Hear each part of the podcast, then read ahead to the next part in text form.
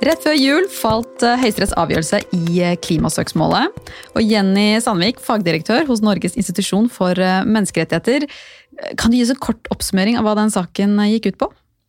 Ja, den saken den gikk ut på gyldigheten av ti utvinningstillatelser til å lete etter olje og gass i Barentshav sør og Barentshav sørøst. Um, og uh, miljøorganisasjonene som sto som saksøkere og ankende parter for Høyesterett her, de anførte at eh, de var i strid med Grunnlovens paragraf 112 mm. og EMK artikkel 2 og 8. Altså Menneskerettighetskonvensjonen. Menneskerettighetskonvensjonen, Retten til liv og retten til privatliv og familieliv. Ja, og Grunnloven er jo, eh, Grunnlovsparagraf 112 det er den såkalte miljøparagrafen. Eh, men hva kom Høyesterett til, da? Nei, altså Høyesterett eh, kom til um, Kan kanskje ta med oss bakgrunnen her. altså. Ja. eh, Grunnlovens 112 hadde jo ikke vært avklart på denne måten av eh, domstolene eh, før. Og det var mye som var åpent.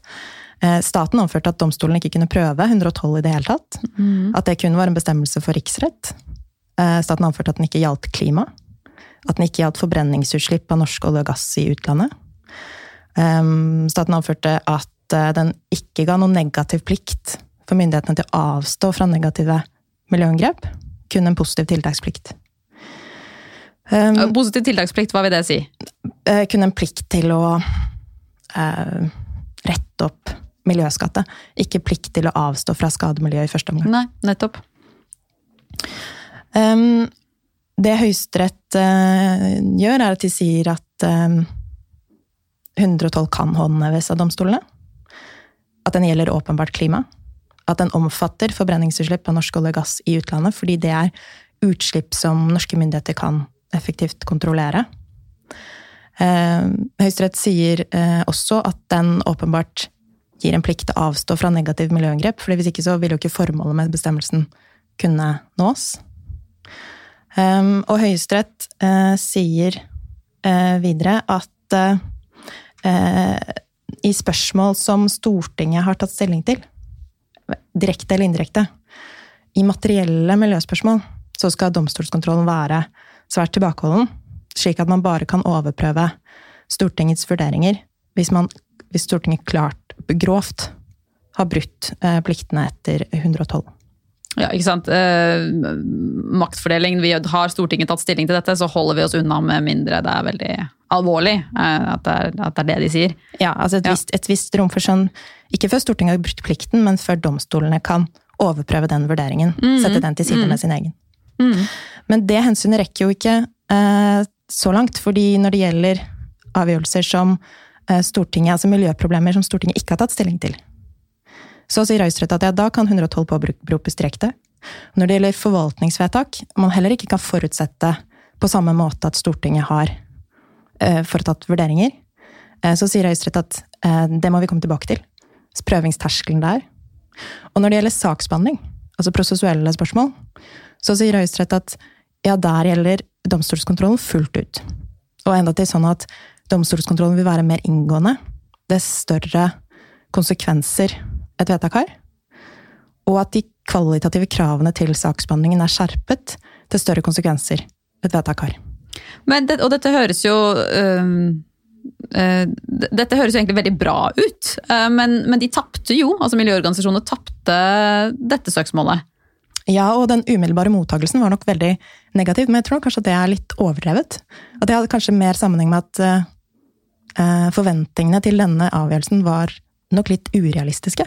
For det er klart at Høyesterett opererer jo innenfor tvistelovens rammer her. Og det, det som var tvistgjenstand i denne saken her, det, det var jo utvinningstillatelser som i veldig liten grad har resultert i funn av olje og gass.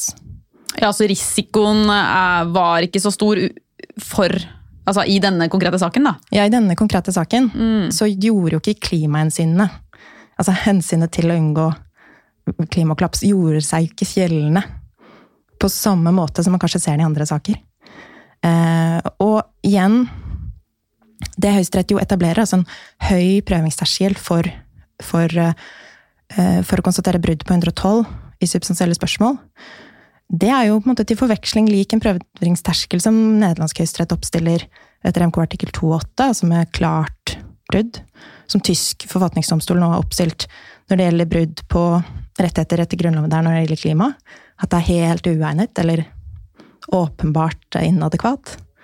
Sånn at, at, det er, at det er et spillerom for skjønn, men at domstolene på en måte forbeholder seg retten til å slå ned på myndighetsholdninger som er, er klart i strid med eh, visse nedre grenser. Det, det, er på en måte en utvikling som man ser også andre steder. Ja, og, og at øh, Det var noe du øh, påpekte i sted, da vi bare pratet litt før vi satte på opptak. At, at det, når det gjelder klimakrisen og de spørsmålene som reiser seg da, da så, man, så er ganske fort den, den terskelen overskredet. Fordi det er så Ja, det er så um, ja, du kan jo si det, si det selv, holdt jeg på å si. Det var jo dine ord. Nei, altså det er klart at um, Den terskelen grovt, grovt tilsidesettelse av pliktene er jo høy. Men, men, så må man huske på at når det gjelder klimaspørsmål, så er jo det også en helt ekstremt alvorlig situasjon. ikke sant?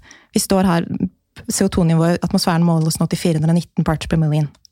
Det er 11 parts per million fra 430, som er terskelen for 1,5 grader. Vi øker, verden øker med ca. 2-3 parts per million hvert år. Så det er få år igjen før vi uttømmer karbonbudsjettet for halvannengradersmålet. Går vi over halvannen grad, så er vi i en risiko, høy risiko for alvorlige, kritiske tippepunkter. Som kan bli katastrofale. Så det er Vi har ekstremt dårlig tid. Sånn at den terskelen Høyesterett utpensler, den er jo ment for alle slags miljøsaker. Ja, vi... Så den kan være høy i andre typer miljøsaker som ikke gjelder irreversibel skade. Men når det gjelder klima, som er mm. irreversibelt og potensielt så katastrofalt, eh, så er det ikke gitt at, eh, at subsumpsjon under den terskelen vil være umulig fremover. Uh, nei, og subsumpsjonen under den terskelen, det vil, det, det vil, være hvordan man anvender jussen på uh, de faktiske forhold. Ja. ja. uh, vi har mange fine ord å å svinge oss med. Eh, men eh, skal vi se noe med, eh, Fra subsumpsjon til et for, fordi Det er jo da spørsmålet hva skjer nå videre? Hva blir konsekvensene av denne dommen?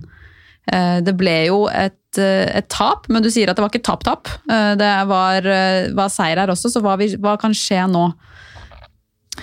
Nei, altså det er jo flere det er jo på sagt at den stenger dører, men jeg tror heller den åpner dører. Altså Før denne saken så var jo Grunnloven 112 ansett som en sånn fanebestemmelse. Mm. Og nå er den jo en, en håndhevbar bestemmelse. Eh, den gir rettigheter. Eh, den gir et sterkt prosessuelt vern. Og det er jo verdt å merke seg at sant, den avgjørelsen fra Nederland, den avgjørelsen fra Tyskland, den avgjørelsen fra irsk høyesterett, som underkjenner eh, klimamål, det går jo nettopp på at staten ikke har begrunnet og spesifisert godt nok hvordan kuttene skal gjøres framover, sånn at det er reelt sett overprøvbart eh, av borgere i dag.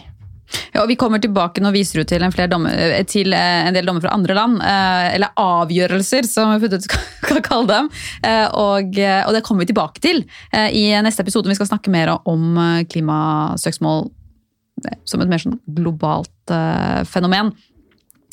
Men her, altså denne, denne høyesterettsavgjørelsen har jo fått kritikk også.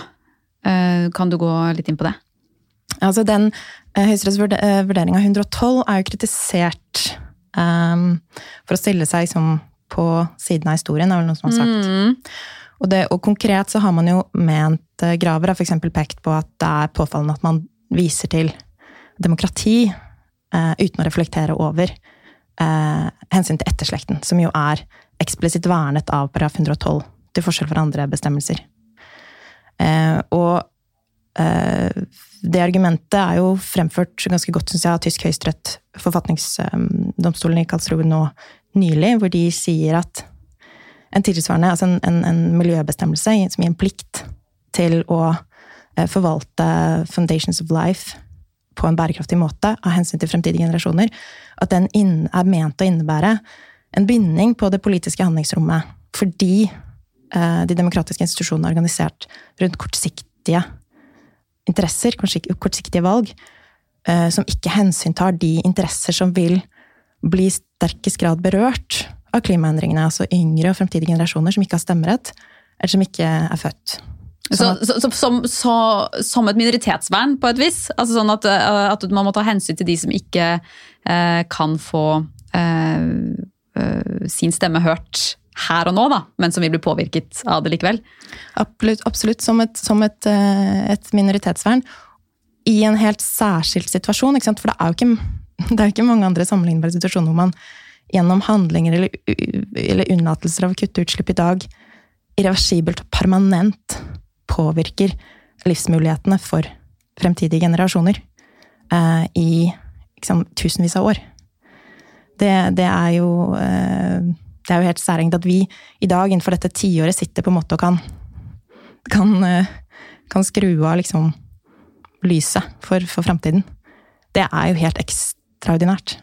Men det har samtidig vært eh, hva skal jeg si, altså Klimasøksmålet skapte jo mye eh, diskusjon eh, med tanke på dette med maktfordelingsprinsippet og hvilken rolle domstolen eh, som dømmende makt skal ha, og hvor langt det kan gå. Og etter at avgjørelsen kom eh, fra Høyesterett, så ble jo dette kalt en skoleeksempel i maktfordeling. så kan du si litt om det? Ja, altså det, Den kritikken der og den diskusjonen den hadde nok litt sammenheng med hvordan dette søksmålet ble lagt opp. Altså det ble jo lagt opp som en sånn stor omkamp om eh, et eh, nylig vedtak i, i Stortinget. og og um, åpningen av den 23. konsesjonsrunden osv. Så, videre. så det var jo på en måte, det ble lagt opp ganske bredt som en politisk omkamp. Mm. Um, og, og, det er klart at den, den, kritikken der er jo viktig. Altså, ikke sant? Dette er jo store omveltninger. Det er jo helt sentralt at det har eh, legitimitet, at det har forankring. Men så er det jo sånn at menneskerettigheter har det jo med å på en måte ramme inn rommet for politisk eh, utøvelse. Og, og, og, selv om det er et politisk omtvistet område, så er det jo fortsatt slik at vi vil kunne ha rammer så fremt det følger av en lojal tolkning av de rettighetene vi er forpliktet etter. Det ser vi på andre områder. Eh, og det ser vi jo i økende grad kanskje på eh, når det gjelder områder som forurensning og, og, klima. Og det som jo er et paradoks, som flere har påpekt, er jo at når det gjelder de internasjonale sidene av dette søksmålet, altså EMK artikkel 2.8, men også eh, relevansen av EUs plandirektiv, så er jo dette spørsmål som da ikke vil bli avklart av norsk høyesterett, men som vil få sin avklaring av overnasjonale domstoler. Sånn at mm, ja, som EU-domstolen og Menneskerettighetsdomstolen. Akkurat. Ja. Eh, sånn at um, Maktfordeling må jo også ses med det perspektivet for øye. At dette er ikke spørsmål som Norge som er særnorske. Mm. Dette er jo spørsmål som i høyeste grad opptar domstoler eh, og, eh, i hele Europa og i verden. Eh, og at i den utstrekning eh, vi er forpliktet etter regelverk som tolkes også av nasjonale domstoler, så vil jo det valget om å ikke ikke gå inn og tolke bestemmelsene her. I praksis overmatte mer av styringen til, til eh, domstoler som i hvert fall ikke er demokratisk valgt. Mm, ja, og dette handler jo også litt om Og disse domstolene pleier ofte å gi statene et, et handlingsrom hvis, viser, hvis man har har man tatt behørig hensyn til dy, dy, dy, så går det ikke så tett inn i intensiteten av prøvingen. For eksempel, altså det er jo litt av ditt poeng at uh, ved å Hadde de gått inn, så hadde, de, hadde, man holdt på på en måte en litt sånn nasjonal vurdering av spørsmålet, og ikke overlatt det uh, videre. Men uh, du nevner altså EUs plandirektiv og, og EMK artikkel 2 og 8. Så dette var da ting Høyesterett ikke gikk så mye inn på? Ja, så Når det gjelder EMK artikkel 2.8, så går Høyesterett helt kort inn på det, og avviser egentlig at de kommer til anvendelse på de konkrete tillatelsene som sto til prøving. Og dette er jo retten til liv og retten til privatliv? Ja. ja. Og det høres kanskje litt far-fetched ut at de skulle ha noe med uh, utvinningstillatelser i Nordsjøen å gjøre. Eller Barentshavet, for den saks skyld. Men um, da må man huske på at EMD har tolket disse bestemmelsene dynamisk, dvs. Si at de utvikler de. Og de har tolket de slik at de innebærer plikter fra staten til å beskytte innbyggerne mot fremtidig og hypotetisk fare for liv eller tap av helse. Fra annet forurensning uavhengig av om det kommer fra private eller offentlige kilder. Og det er på bakgrunn av den rettspraksisen at nederlandsk høyesterett tolket EMK artikkel 2.8 dit at staten var forpliktet til å kutte klimagassutslipp nasjonalt med minst 25% innen utgangen av 2020. Ja, det, dette var Urgenda-dommen. Ja. Det var Urgenda-dommen. Mm.